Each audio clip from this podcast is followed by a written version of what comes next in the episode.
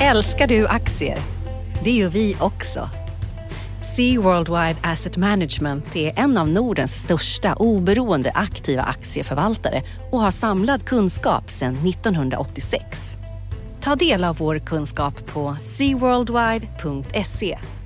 Bokstaven C, worldwide.se.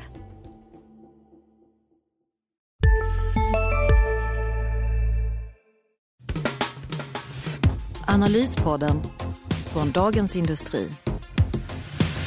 Hallå där ute och välkomna till ett nytt avsnitt av Analyspodden, Dagens Industris eh, podd där vi pratar börs och eh, finans och allt som har med det att göra. Och vi är ju i början av en väldigt spännande rapportperiod och då har vi linat upp med eh, två, kan vi säga stjärnor, eller? Ulf Pettersson och mig själv då, Martin Blomgren. Tycker jag var en jättebra beskrivning.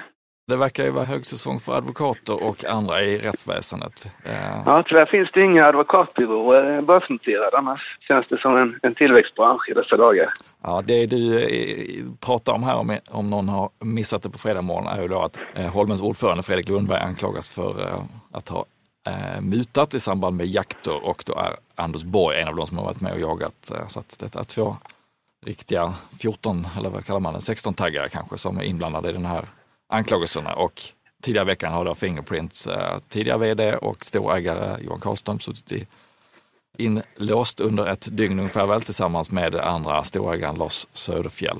Ehm, och så har vi lite Fastighetsverket där det också är eh, en del högdjur som, eh, som är inblandade i rättsprocesser. Precis. Så att, eh, det, det händer mycket även utanför börsen. Ja, det gör det. Nej, men det, ja, det har ju inte påverkat aktiekursen än här då. Jag tror att men det här med Holmens jakter, eh, det är inte bara, det är inte bara Anders Borg som har jagat där, det är väl hela, hela, hela gräddan antar jag. Så det, vi får väl se vad som dyker upp där. Det mm. kanske vi får ta vid något, något annat poddavsnitt. Men jag mm. antar att eh, en sån här som Sverker Martin Löv nog inte han läste nog tidningen med, med eh, mungipen uppåt nu med tanke på den strid han hade med Lundberg här tidigare. Och i SCA var ju också jakten en, en del av de här skriverierna som skedde för något år sedan. Det är ju fler dramatiska händelser på fredagmorgonen, eh, eller egentligen redan på torsdag eh, kvällen. Sent på torsdagskvällen så kom ju Eltel, installationsbolaget, med eh, ytterligare en vinstvarning. De vinstvarnar inför tredje kvartalet och nu är det dags igen inför fjärde kvartalet. Och anmärkningsvärda är väl att de gick till börsen för mindre än två år sedan och utan att kunna det här bolaget speciellt i detalj så, så gör de ju installationsarbeten och de har ett ben i Afrika där de håller på med elektrifieringsprojekt och eh, spontant så tänker man att vad skulle kunna gå fel där eh, ganska mycket och det har det också gjort. Men, eh, men detaljer, detaljerna är väl, får, vi väl återkomma till. Men det, det men, luktar ju inte bra det här, så mycket kan man ju säga. Ja, det är intressant på alla sätt liksom. Det är intressant att vdn fel till som nu inte längre finns kvar var nummer tre på intäkts eller inkomstlistan här. Jag tror han hade 48 miljoner i lön för 2015. Det är ju det, det sticker väl ögon på en del. Men, men sen är det den här eltelsverksamhet då som är långa projekt. Eh, man ska liksom eh, se till att, eh, ja, installationsprojekt helt enkelt. Man ser de här vita bilarna som åker omkring i, i Sverige och sen så har de då tydligen verksamhet i Afrika också. Och sådana här långa projekt brukar aktiemarknaden älska för då vet man att det är stabila intäkter och, och liksom, eh, det är inte massvis av investeringar som kan gå snett och sådär. Men problemet med långa avtal och installation, det är att börjar det gå snett så kan man bygga upp fel under ganska lång tid innan det liksom innan, innan problemen kommer upp till ytan här, för det ska ju resultatavräknas varje kvartal och det, det där är inte så lätt att säga huruvida vi har byggt 22 procent eller 28 procent av något afrikanskt eh, elnät eller vad det är. Det kan man ju liksom eh, bedöma lite hur man vill fram, till, fram tills det liksom inte går längre när, mm. när verkligheten skiljer sig för mycket från det man har uppgivit. Och det är väl det som har hänt här och det är det som gör att aktiemarknaden är så genuint osäker. Mm. Vad är det här egentligen? Och, ja, det känns ju, känns ju inte alls, det var inte alls det man fick höra när de gick till börsen, att det skulle liksom vara var strul i Afrika. Eh, Nej, och det, och det var inte riktigt vad de sålde in det på. Under hösten också då är att finanschefen har sjukskrivit sig på grund av hög arbetsbelastning och när de då går ut med det här idag på morgonen på presskonferensen pratar de ju bland annat om att det finns risk att man missar kovenanter, alltså lånevillkor som är uppställda med, med bankerna och det skulle kunna vara risk för nyemission. Och Ja, det är väldigt, väldigt eh, mycket som inte ser bra ut här. Och sen så är det möjligt att det finns en frisk kärna då kanske i den svenska och, och norska delen. Men, ja. men det kommer ju att uh, ta, ta tid innan man vågar lita på det här bolaget igen. Om man, ja, absolut. Det, det som hände här för förra veckan var ju att 3i, något bolag knutet till 3i som var med och sätta det på börsen, flaggade upp här för över 5% ägande igen. De har ju liksom varit snabba annars på att sälja till betydligt högre kurs än idag då. Men jag vet inte riktigt vad det var för flaggning och varför de gjorde det och sådär. Men jag håller med dig om att eh, Stay Away el, ELTL tills nu kan det dessutom bli en nyemission här och då, då har vi ju då rimligen ska ju aktien ner ytterligare en bit. Det där tror jag inte är för, eh, för folk med eh, normala nerver egentligen nej, idag då. För det, nej, det känns... aktien, aktien föll 41 procent på förra vinstvarningen. Nu är den ungefär 20 procent på förmiddagen här. Och, ja. ja det, det, är ju, när man inte ser var det vänder så är det ju så är det jag, jag såg att en, en av storägarna som var med redan när de kom in till börsen här för ja, vad är det, drygt ett år sedan eller knappt två år sedan. Eh, Lannebo Fonder sålde ju här för några veckor sedan och det är klart att de tjänade inga pengar på det tror jag inte utan eh, de vill inte vara med och jag tror inte man ska vara jag tror man ska vara försiktig där som sagt var. Ja. Hur skulle du säga den här första, första eh, perioden av eh, rapportperioden? Eh?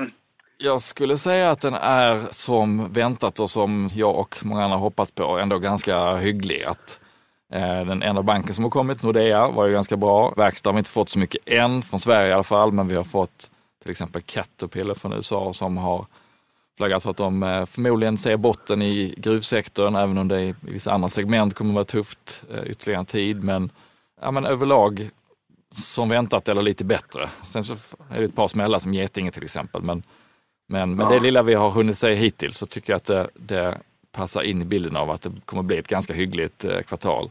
Och ska man säga, det är ju otroligt viktigt att det blir det eftersom börsen har gått starkt sedan USA-valet. Så det, det krävs ju att, att bolagen nu bekräftar att det är på rätt väg, att det finns signaler om att eh, konjunkturen är på väg upp, precis som man har sett då inköpscheferna säga tidigare, men att det faktiskt eh, kommer att hända, inte just den här månaden eller, eller senaste kvartalet, men att 2017 kan bli ett hyggligt efterfrågan. Vad säger du? Du har läst, du har läst lite ja, olika rapporter i veckan, men vad, vad är din... Ja, jag, jag började veckan med Nordea, eh, första banken ut här. Eh, vi väntar ju de andra tre storbankerna i nästa vecka.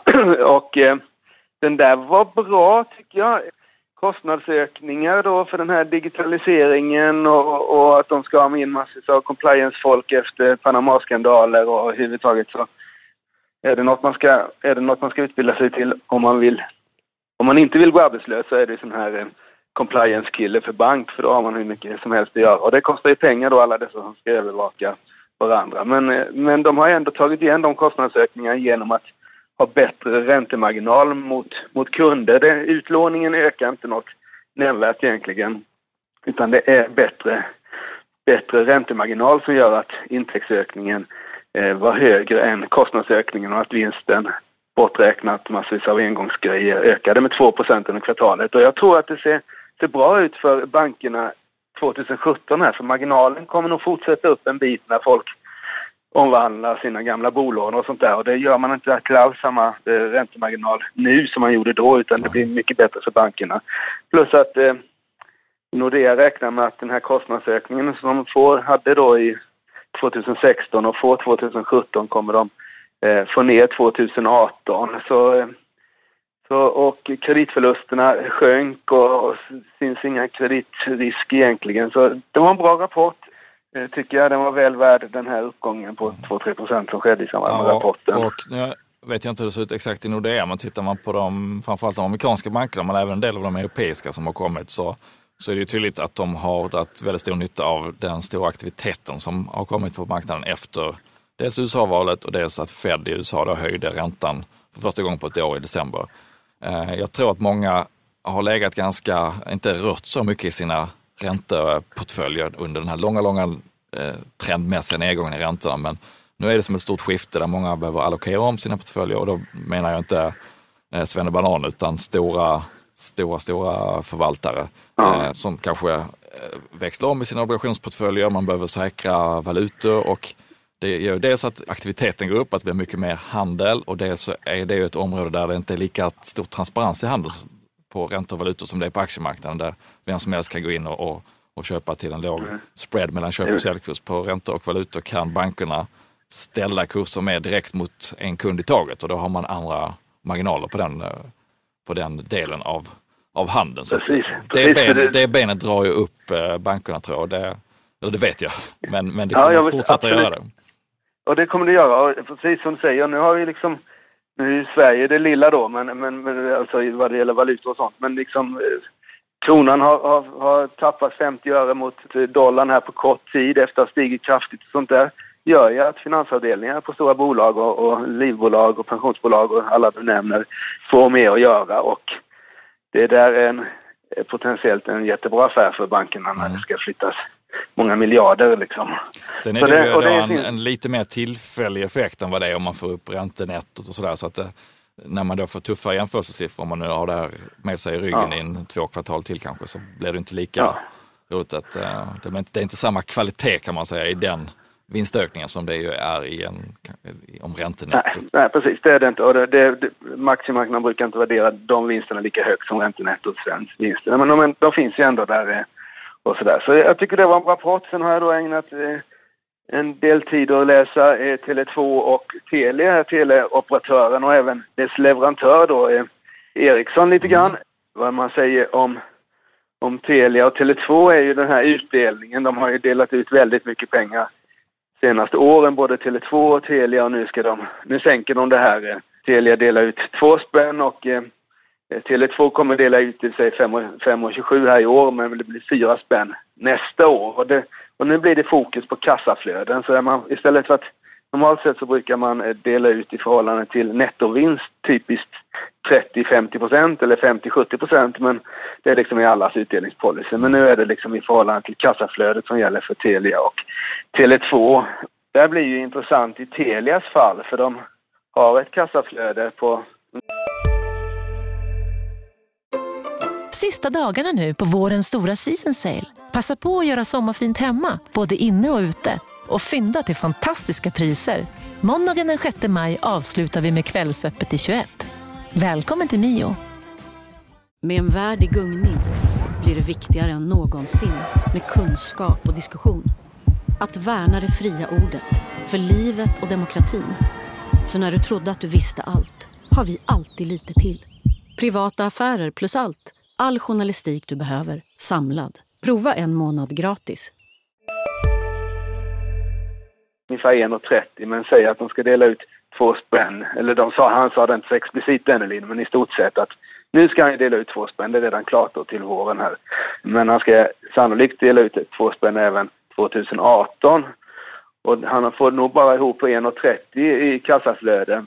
Så han måste hitta pengar någon annanstans och då är det ju de här försäljningarna som, som fortfarande ligger kvar då av Fintur och, och lite uzbekistanska och alla de andra Eurasien-grejerna här. Hur, hur det blir det där med det där. Så det där är en stor fråga för Telia. Jag tycker inte att den rapporten gjorde mig köpsugen. Eh, lite mer Tele2 tyckte jag kanske. Och mm. vad det gäller Ericsson så var det också lite vänteläge att se här vad, vad som egentligen händer och vad, vad Börje Ekholm ska hitta på. Det var ju inte så mycket nytt egentligen han Nej, han man, man hade ju kunnat eh, tro eller hoppas att han efter det har suttit så många år i styrelsen och eh, ändå har haft ett kvartal drygt på sig väl innan han tillträdde att det skulle kunna finnas en masterplan här som han ja. har suttit och tänkt på i styrelsen i alla år. Att om jag drev det här bolaget då vet jag exakt vilka delar jag skulle behålla och vilka delar ja. jag skulle göra mig av med och vilka rattar jag ska skriva på. Men, men så var det inte utan det var ju ganska mycket de här lite luddiga formuleringarna om eh, lönsamhet för tillväxt och vi måste vara ett lönsamt företag för att kunna investera. Och,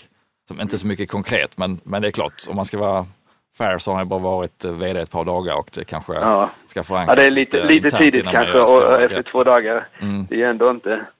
Det är ju ett hangarfartyg det där. Det är ju 50-60 000 anställda. Så, men det är klart innan till bolagsstämmorna i alla fall tycker man att det borde komma något mer konkret här och, och hur, hur han ska göra om det ska vara det verkar ju faktiskt, det lilla han sa, det får man ju nästan tolka, det verkar som att han har inte några planer på att sticka det direkt sådär, men Nej. det kan ju ändras som sagt var. Men jag skulle säga att till bolagsstämman i vår så bör man ju veta lite mer och jag tycker det kanske är viktigt också, inte bara för att du och jag ska ha något att skriva om och aktiemarknaden ska handla aktien, utan även mot de anställda som har så att säga varit inne i en ganska lång period nu med genuin osäkerhet. Eh, och det kanske man kan liksom hålla dem på halster ett tag till då, men, eh, men i april-maj tycker jag liksom någonting vad de ska göra och vad de siktar på och sådär så. Mm. Det, borde, det bör han nästan göra om inte... Ja men där tror jag du är inne på en viktig fråga som är kanske svår att, att precisera. Men att, att vara tydlig gentemot eh, de olika delarna internt i företaget tror jag är väldigt viktigt också. Att om, om man känner på sig att man är på en del som inte är prioriterad så är det bättre att veta det och veta att man kanske hamnar hos en annan ägare där man blir prioriterad än att än att gå och, och fundera, ska jag söka ett annat jobb eller ska jag fortsätta här och se vad som händer? Det, ja. om, man, om man känner det på sig då är det bättre att veta vad som och, händer. Och, och precis, och utveckling och sånt där liksom. Det är klart att känner man på sig att det här är liksom en, en livsavgörande för, för Ericsson del man håller på med, då, då kanske man jobbar lite bättre än om det är en del som kanske inte kommer finnas kvar. Så, men eh, man kanske ska ge även Börje Ekholm sina hundra dagar som man brukar prata kring i politiken och då, då är vi ju framme någon gång i i slutet av april här. Och då, då tycker jag att det ska finnas betydligt mer konkret än några hockeyreferenser som det var i, i senaste bokslutet här. Ja, det gillar han. Mm, det gillar han.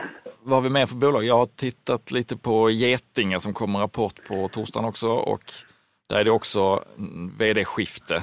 Eh, nya vdn har inte kommit in än dag och de ska göra en avknoppning av ett område precis som alla andra gör för tillfället. Men det var, det väl lite samma sak. Det var inte så mycket nytt och eh, ganska försiktiga utsikter för 2017. Och de har Men det haft... var en ganska seriös nedgång va? Den slutade ja, den på tappade 6 ner eller Precis, 6-7 procent stod den och tuggade neråt. Och de sänkte också utdelningen, eh, vilket inte var väntat i deras fall. Så att, eh, det var egentligen inget som stack ut som katastrof, men, men det var heller, eh, på alla små parametrar så var det, talade för att 2017 inte heller kommer bli ett speciellt roligt år och så väntar man då in ny vd och den här avknoppningen. Ja. Så att, ja, det, det, var liksom läge att bara ta ett steg tillbaka tror jag för många ägare där.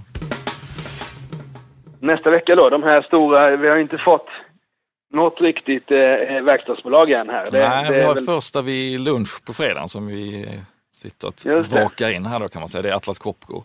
Det, det är de kommer att säga om gruvsidan blir intressant. Det har nu varit ett par kvartal där man ändå har sett att det att det hämtar sig lite i, eh, i eftermarknaden på gruvsidan på det som är consumables, eh, säger man, förbrukningsdelarna som är, som är en indikation på hur stor aktivitet det är. Och som eh, vi nämnde så kom Caterpillar med rapport tidigare i veckan och de såg också en förbättring i gruvsidan och Atlas ska ju då dela upp sig, en gruv och eh, anläggningsdel och en del som är eh, framförallt kompressorerna. Då, så att Eh, det blir intressant att se vad de säger om gruvorna. Det blir intressant att se om de har fått någon som helst känsla för om den här eh, Trump-drivna optimismen på börsen även syns hos företagen. Att man ser chansen för att investeringen ökar även på lite större pjäser. Um, och så är det Ronny Letens uh, sista, eller om det blir näst sista rapport. Han kommer att sluta då när bolaget i samband med att bolaget ska delas upp. kanske, för han, eh, hans avgång här för vad är det, en och en halv vecka sedan, två veckor sedan, överskuggades en hel del av att Annika Falkengren hade, hade oskicket att, ja, säga upp sig samma mm. dag. Men han kanske får lite, lite tid, tid i eten nu istället. Men det är klart, nu har vi, det har ju hänt mycket här på morgonen också som säkert kommer överskugga lördagens tidning med Lundberg och, mm. och Borg och Eltel och, och sådär. Så vi får se. Men annars så fortsätter ju nästa vecka med ännu mer rapporter den här veckan och då är det ju de andra det är de andra bankerna, det är i princip de andra verkstadsbolagen, Sandvik och Volvo och Trelle och, och hela gänget. Och det är ju det som kommer att sätta agendan. Det finns, på makrosidan så finns det en hel del som normalt sett är intressant. Det är eh, payrolls, eh, sysselsättningen i USA på fredag, det är Fed-möte och det är Bank of England har möte också. Men, men det är för, för börsens del kommer det ju att stå ganska mycket skugga. Men det är klart att eh, valuta och, och ränterörelserna kan, kan ju hoppa till. Men eh, Jo, det kan det göra om, om liksom risk, riskpremien skulle förändras. Alltså internationellt ifrån så flyter det över till Sverige också. Men, men annars är det som du säger, det är rapporterna. Det är ju, vi, har inte, vi har inte nått max än riktigt. Det är ju det är en intensiv här. Det är det, den första februari som är en riktig sån där rapport, mm. rapportorgiedag. Så den, den måste vi hantera först innan vi går över till andra grejer. Och Hennes Mauritz får man inte glömma nästa vecka heller på tisdag då som är väldigt intressant. Där har det ju länge, länge varit nu att Carl-Johan Persson, vd dag, har uh, sänt ganska positiva signaler för 2017. Att då ska kostnaderna för online och för nya koncept och sådär uh, fejda ut lite grann. Så att då, då kommer återhämtningen och det, det, finns ju de som hoppas på det och det finns ja. de som uh, inte tror på det längre. För det är ganska många analysfirmor som har kommit ut med sänkningar och, och ser pessimistiskt på dels, dels den egna förmågan och dels konkurrensen från online som konkurrenten Sara, eh, Inditex, verkar klart väldigt mycket bättre. Så det, är, ja. det är upp till bevis under 2017. Jag skulle inte säga att det är upp till bevis i denna rapporten, men, men eh, det, det kommer inte att tas emot bra om, om de skjuter mycket längre fram på att det ska bli en vändning. Nej, nej det blir väldigt spännande. Det där är en aktie. Börsen är ju... Ja, Dow Jones slog i all time i veckan och Stockholmsbörsen är inte långt därifrån. Men det betydligt längre för familjen Persson och H&M. Mm. Den är väl inte riktigt halverad jämfört med toppnoteringen, men den är ner 30-40 procent väl sen, sen toppen här. Så det, det behövs någonting. Jag vet inte, de brukar ju liksom alltid vara lite sådär inställda till börsen, H&M, men, men det är klart att det kommer ju en tid då, liksom, då de blir riktigt pressade av det. Så jag tycker att någon gång borde de förklara sin strategi och förklara vad, vad det är de hoppas på och tror de har för förväntningar kring liksom uh, rörelsemarginaler och försäljning just i denna mm. omställning från liksom fysisk telehandel som sker. Precis, rörelsemarginalerna har ju gått ner från att ligga på plus 20 procent till 12-13 och det, det, ser de idag som en investering i, i sitt koncept. Och, men omvärlden har ju förändrats också. Det, det är mycket aggressivare lågpriskonkurrenter. Det finns en onlinehandel som inte som inte var lika etablerad för bara en fem, sex år sedan. Nej. Eh, både i USA och med Zalando i Europa. Så det är ju, de jobbar i ett annat, eh, helt annat klimat och de har ju så länge jag kan minnas haft det här målet med 10 till 15 procents butiksöppningar. Och en dag så kom, kommer i dagen när de säger att nu växer online och att öppna antal butiker i den formen är inte relevant längre. Så att det är faktiskt inte helt otänkbart att de skrotar det målet i samband med den här eh, rapporten. Nej, precis. Det beror på lite på vilket humör marknaden är. Eh, hur man ska ta emot det där, om det liksom är ett, ett svaghetstecken för hela deras affärsmodell eller om det är en styrka mm. att, att ändra sin, eh, sin affärsmodell. Men oavsett, skulle de göra ett sånt där beslut, vilket inte är helt orimligt som du säger, så tycker jag att man då måste man nästan kalla till en kapitalmarknadsdag också. De har ju eh, aldrig haft det vad jag vet eh, jag var inte med 74 när de gick in på börsen då, men, men eh, och förklara liksom det här, vad är strategin? Kan man växa, öka antalet butiker med 10-15 procent? Är det verkligen vettigt? Och, och sådär. Så det, det, skulle jag gärna se, en, en, en rejäl genomgång från, från de här. Får vi se också, Carl-Johan Persson har ju han har ju faktiskt, det känns som att han är ganska ny på posten, men det är han inte längre. Han har väl suttit 5-6 mm. År nu, liksom längre än vad man genomsnittstiden nästan på en VD nu för tiden. Han sitter ju kortare och kortare här så man ska inte... Och han gör mer affärer, eh, investerar mer och mer pengar i andra verksamheter privat och det är inte säkert att han är VD så länge till och det där vore också Ja, det blir, det ett avgörande då. Det är nya koncept som de ska ut med då, som man inte riktigt vet vad det är. Det skulle kunna vara ett förändrat mål och då kommer de förmodligen ersätta det med ett annat mål att de ska växa i, i kronor räknat istället. Och det, det kan ju vara helt fine så länge det är ett mål som man uh, ser som rimligt. Och sen så är det då hur kostnadsbilden under 2017 ser ut som, som är viktigare ja. egentligen än det kvartal de rapporterar nu, för då vet man att försäljningen har varit svag. Och svag försäljning i jämförbara butiker innebär ju att man måste rea ut mer, det blir press på bruttomarginalen, det blir press på resultatet hela vägen ner. Så att, eh, det kommer nog inte vara någon kanonrapport. Frågan är vad de pratar om 2017. Ja, det är spännande. Bra, vi kommer ha grejer att göra nästa vecka också, låter det som. Så är det. Ska mm. vi runda av den här veckan ja, det då? Och så det tycker tar vi helg. Och... Nu, måste vi, nu måste vi ladda inför Atlas-rapporten här. Så ja, det jag. Tack för att ni lyssnade. Bra. Tack. Vi, vi hörs allihopa. Tack så mycket för att ni lyssnade på, på vår podd. Hej. Analyspodden från Dagens Industri. Podden redigerades av Umami Produktion Ansvarig utgivare Lotta Edling.